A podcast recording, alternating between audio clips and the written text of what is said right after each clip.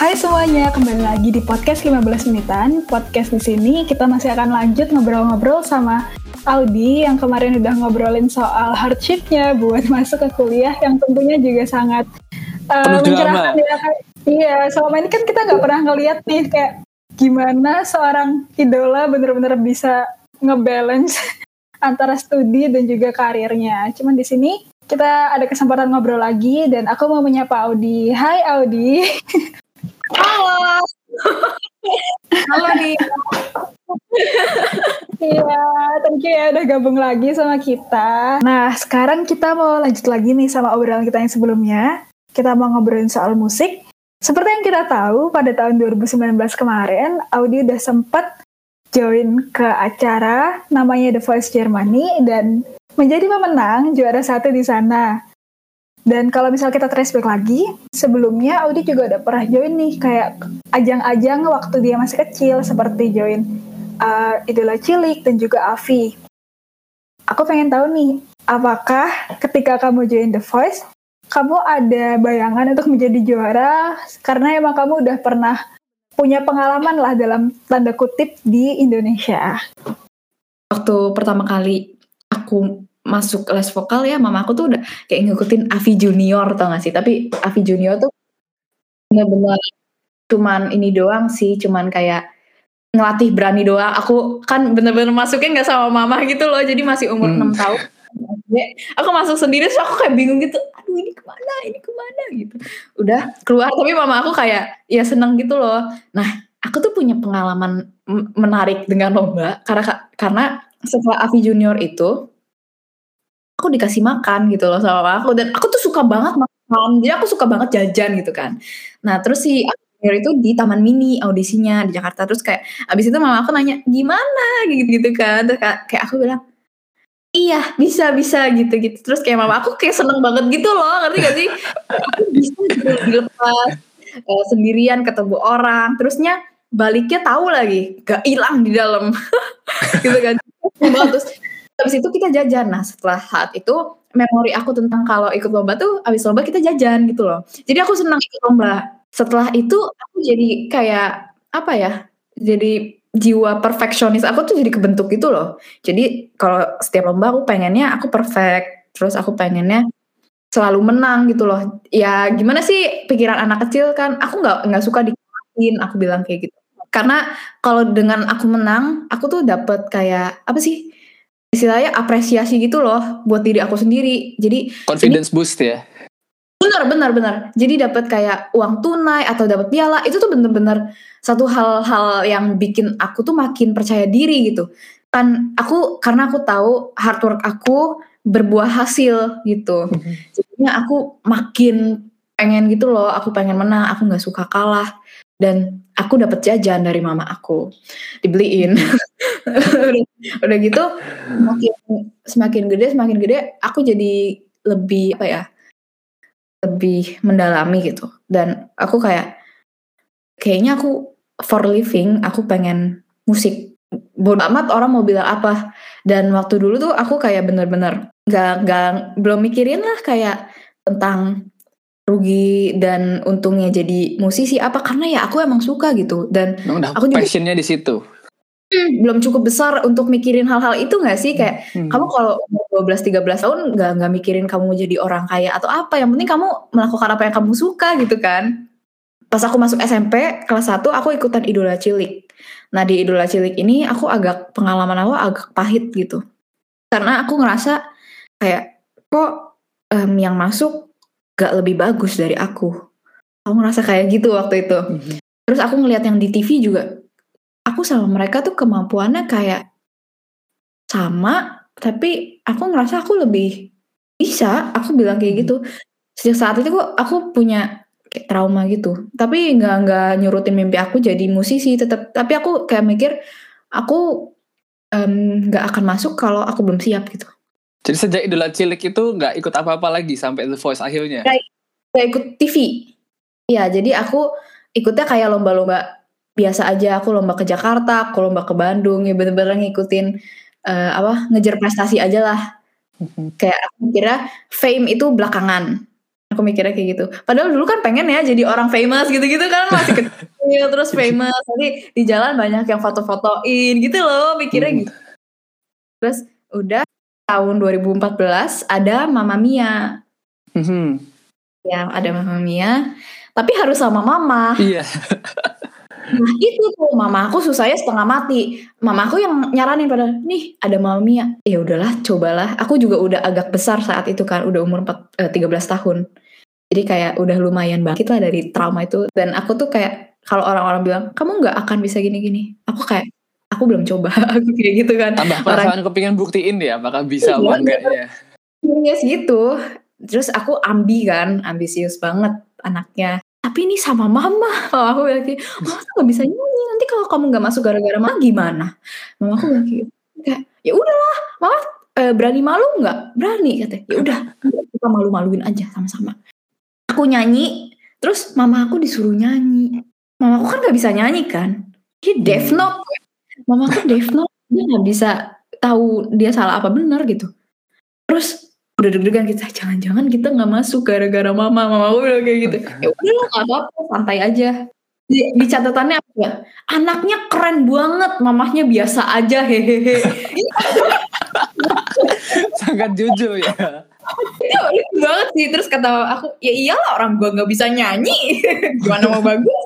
Ya mama aku bilang kayak gitu tinggal berapa minggu lagi eh tinggal satu minggu lagi aku dihubungin itu di hari terakhir. Mbak aku waktu dulu mbak aku ke sekolah lagi istirahat cuma bilang di mama ditelepon. Terus aku teriak kayak orang gila. Aku ngambil makanan aku aku ke kelas woi gue masuk mama Mia aku kayak gitu. Terus kayak teman-teman aku bingung nggak tahu apa yang terjadi. Kayak mereka sekolah "Ah, gitu loh. Tapi kayak ada teman-teman yang udah aku ceritain kayak langsung loncat-loncat gitu loh. Woi Audi masuk mama Mia langsung ngomong dong sama kepala sekolah papa papa ini pak Audi masuk Mama Mia pak. Pokoknya harus dukung harus SMS gitu. Ya seneng banget gitu. Ya udah itu Mama Mia salah satu ini sih menurut aku juga stepping stone gitu buat aku. Karena sejak saat itu juga kayak ya udah ada lah orang-orang yang tahu aku. Dan mereka sampai sekarang masih dukung aku gitu. Aku kayak really grateful for that gitu. Jadi things most most things are unexpected. Itu malah yang kayak turn turn out the best things ever gitu. Jadi ya sejak saat itu aku nggak pernah naruh hope in everything tapi aku hanya kasih yang terbaik. Nah terus udah gitu ke Jerman lah tuh. Eh, pertamanya oh mama aku bilang gini pertamanya kamu harus jadi orang sukses di Jerman. Kita udah apa mama udah jauh-jauh dari kamu gitu. Papa juga udah jauh-jauh dari kamu gitu. Terus aku ya udah fokus aja belajar. Aku nggak mikirin apa-apa. Terus iklan. The Voice of Germany. Bla. Hmm, aku kan udah agak lama nih di Jerman pas aku ikut The Voice itu aku udah kayak Mhm. lima bulanan di Jerman. Coba aja aku nggak bilang sama saudaraku. Aku diem diem aku bilang mau ketemu teman terus aku kayak cuman mikirnya oh si mereka tuh pada suka gitu loh sama aku mereka pada senang karena em, suara aku bagus banget gitu. Kayak aku mikirnya kayak gitu kayak Hmm. suara aku bagus gitu. Sampai yang waktu juri pertama yang nguji eh, yang nilai aku tuh sampai nganga ya udah aku tungguin aja. Terus aku di email selamat kamu kami undang untuk ke Berlin untuk mengikuti em, babak sebelum blind audition. Jadi kita di audisi lagi.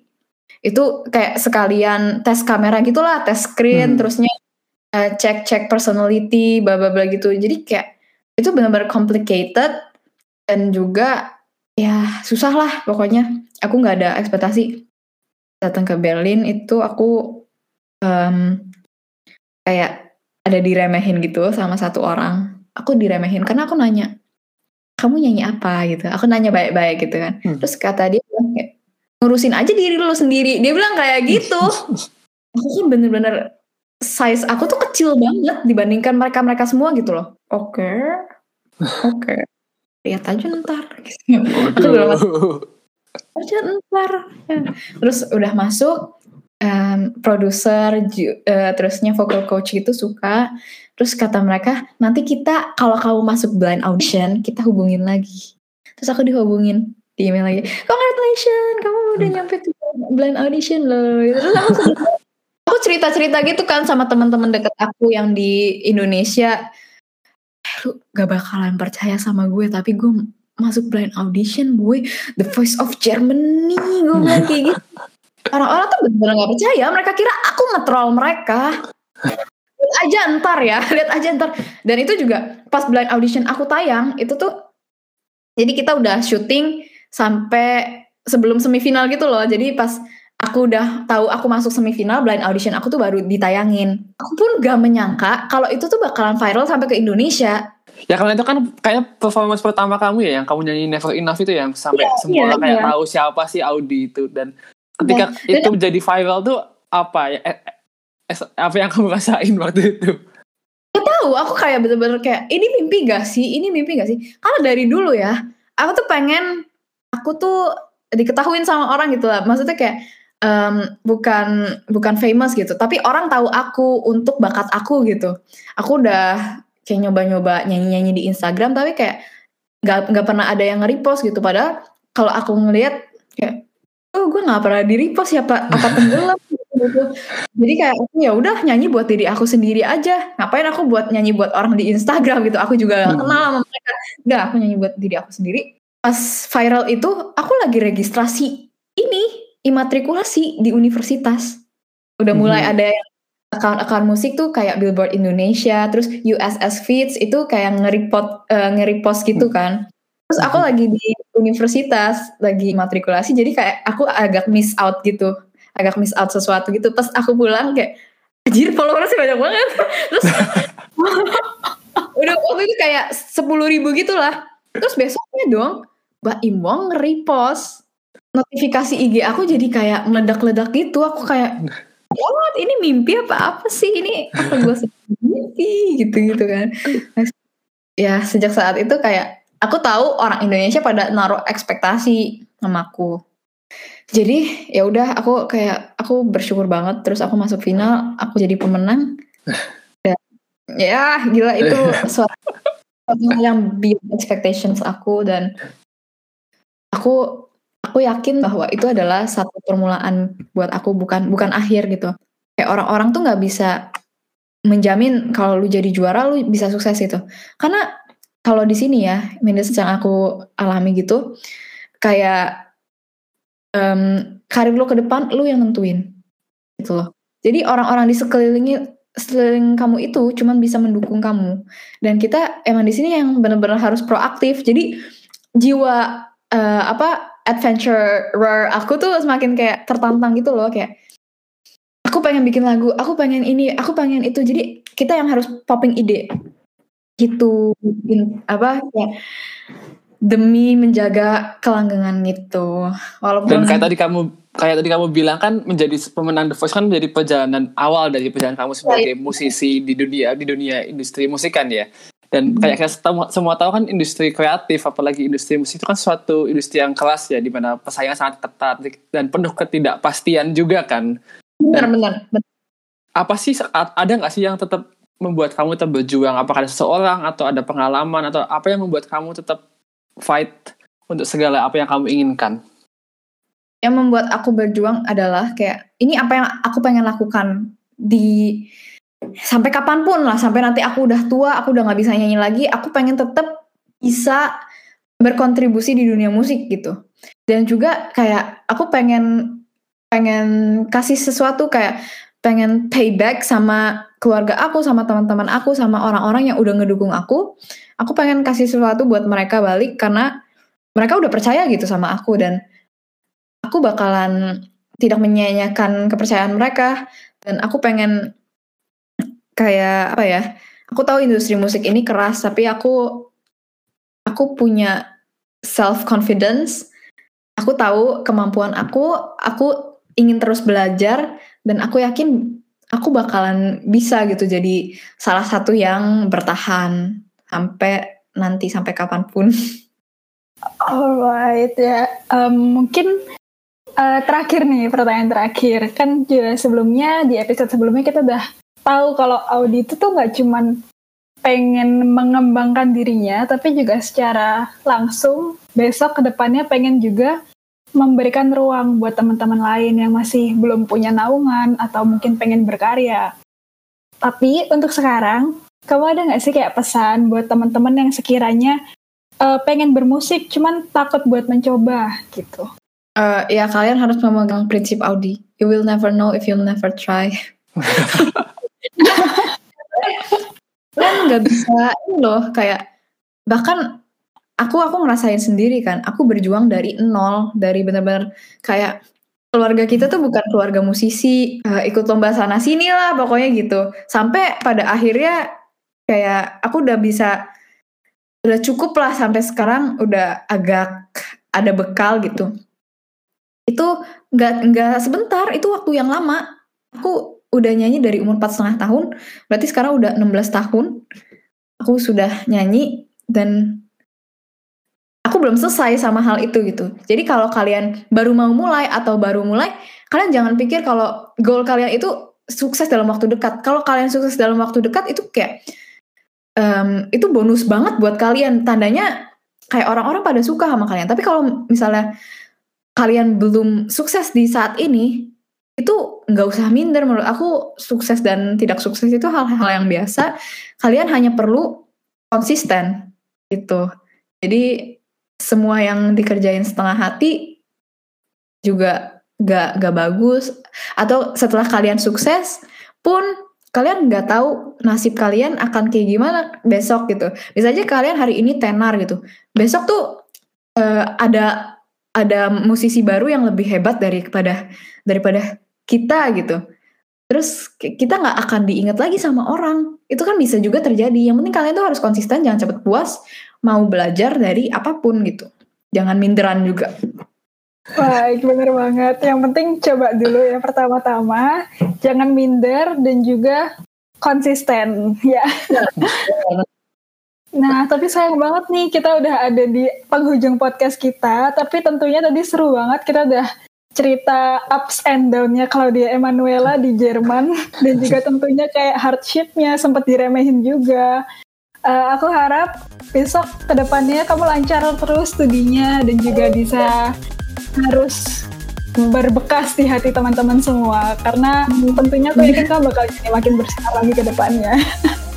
ya teman-teman, uh, sekarang kita udah di penghujung podcast 15 menitan. Terima kasih buat semuanya udah mendengarkan podcast 15 menitan, podcast di mana kita bercerita-cerita dengan teman-teman yang lagi berjuang untuk masa depannya dan juga masa depan Indonesia. Thank you juga Audi dan see you semuanya. See you, bye-bye.